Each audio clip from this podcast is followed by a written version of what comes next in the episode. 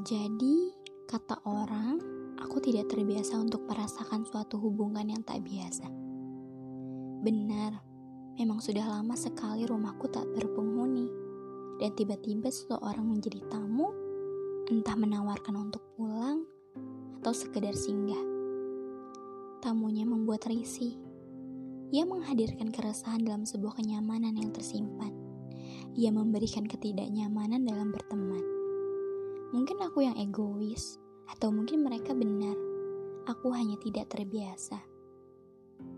Menentukan keputusan, mencari solusi, menceritakannya kepada mereka, kemudian mereka berkata, "Gaya sekali seperti itu.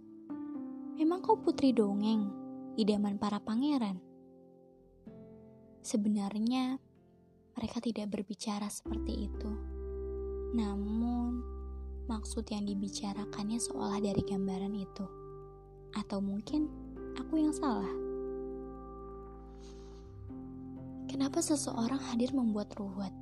Kenapa harus aku yang ia hadiri? Dari sekian banyak teman yang dikenal. Kenapa harus aku?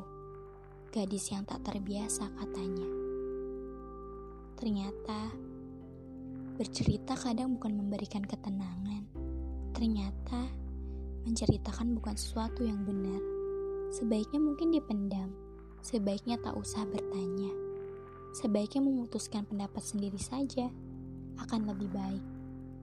Apa aku hanya ingin berharap mereka berkata, "Kau putri dan patas untuk menentukan."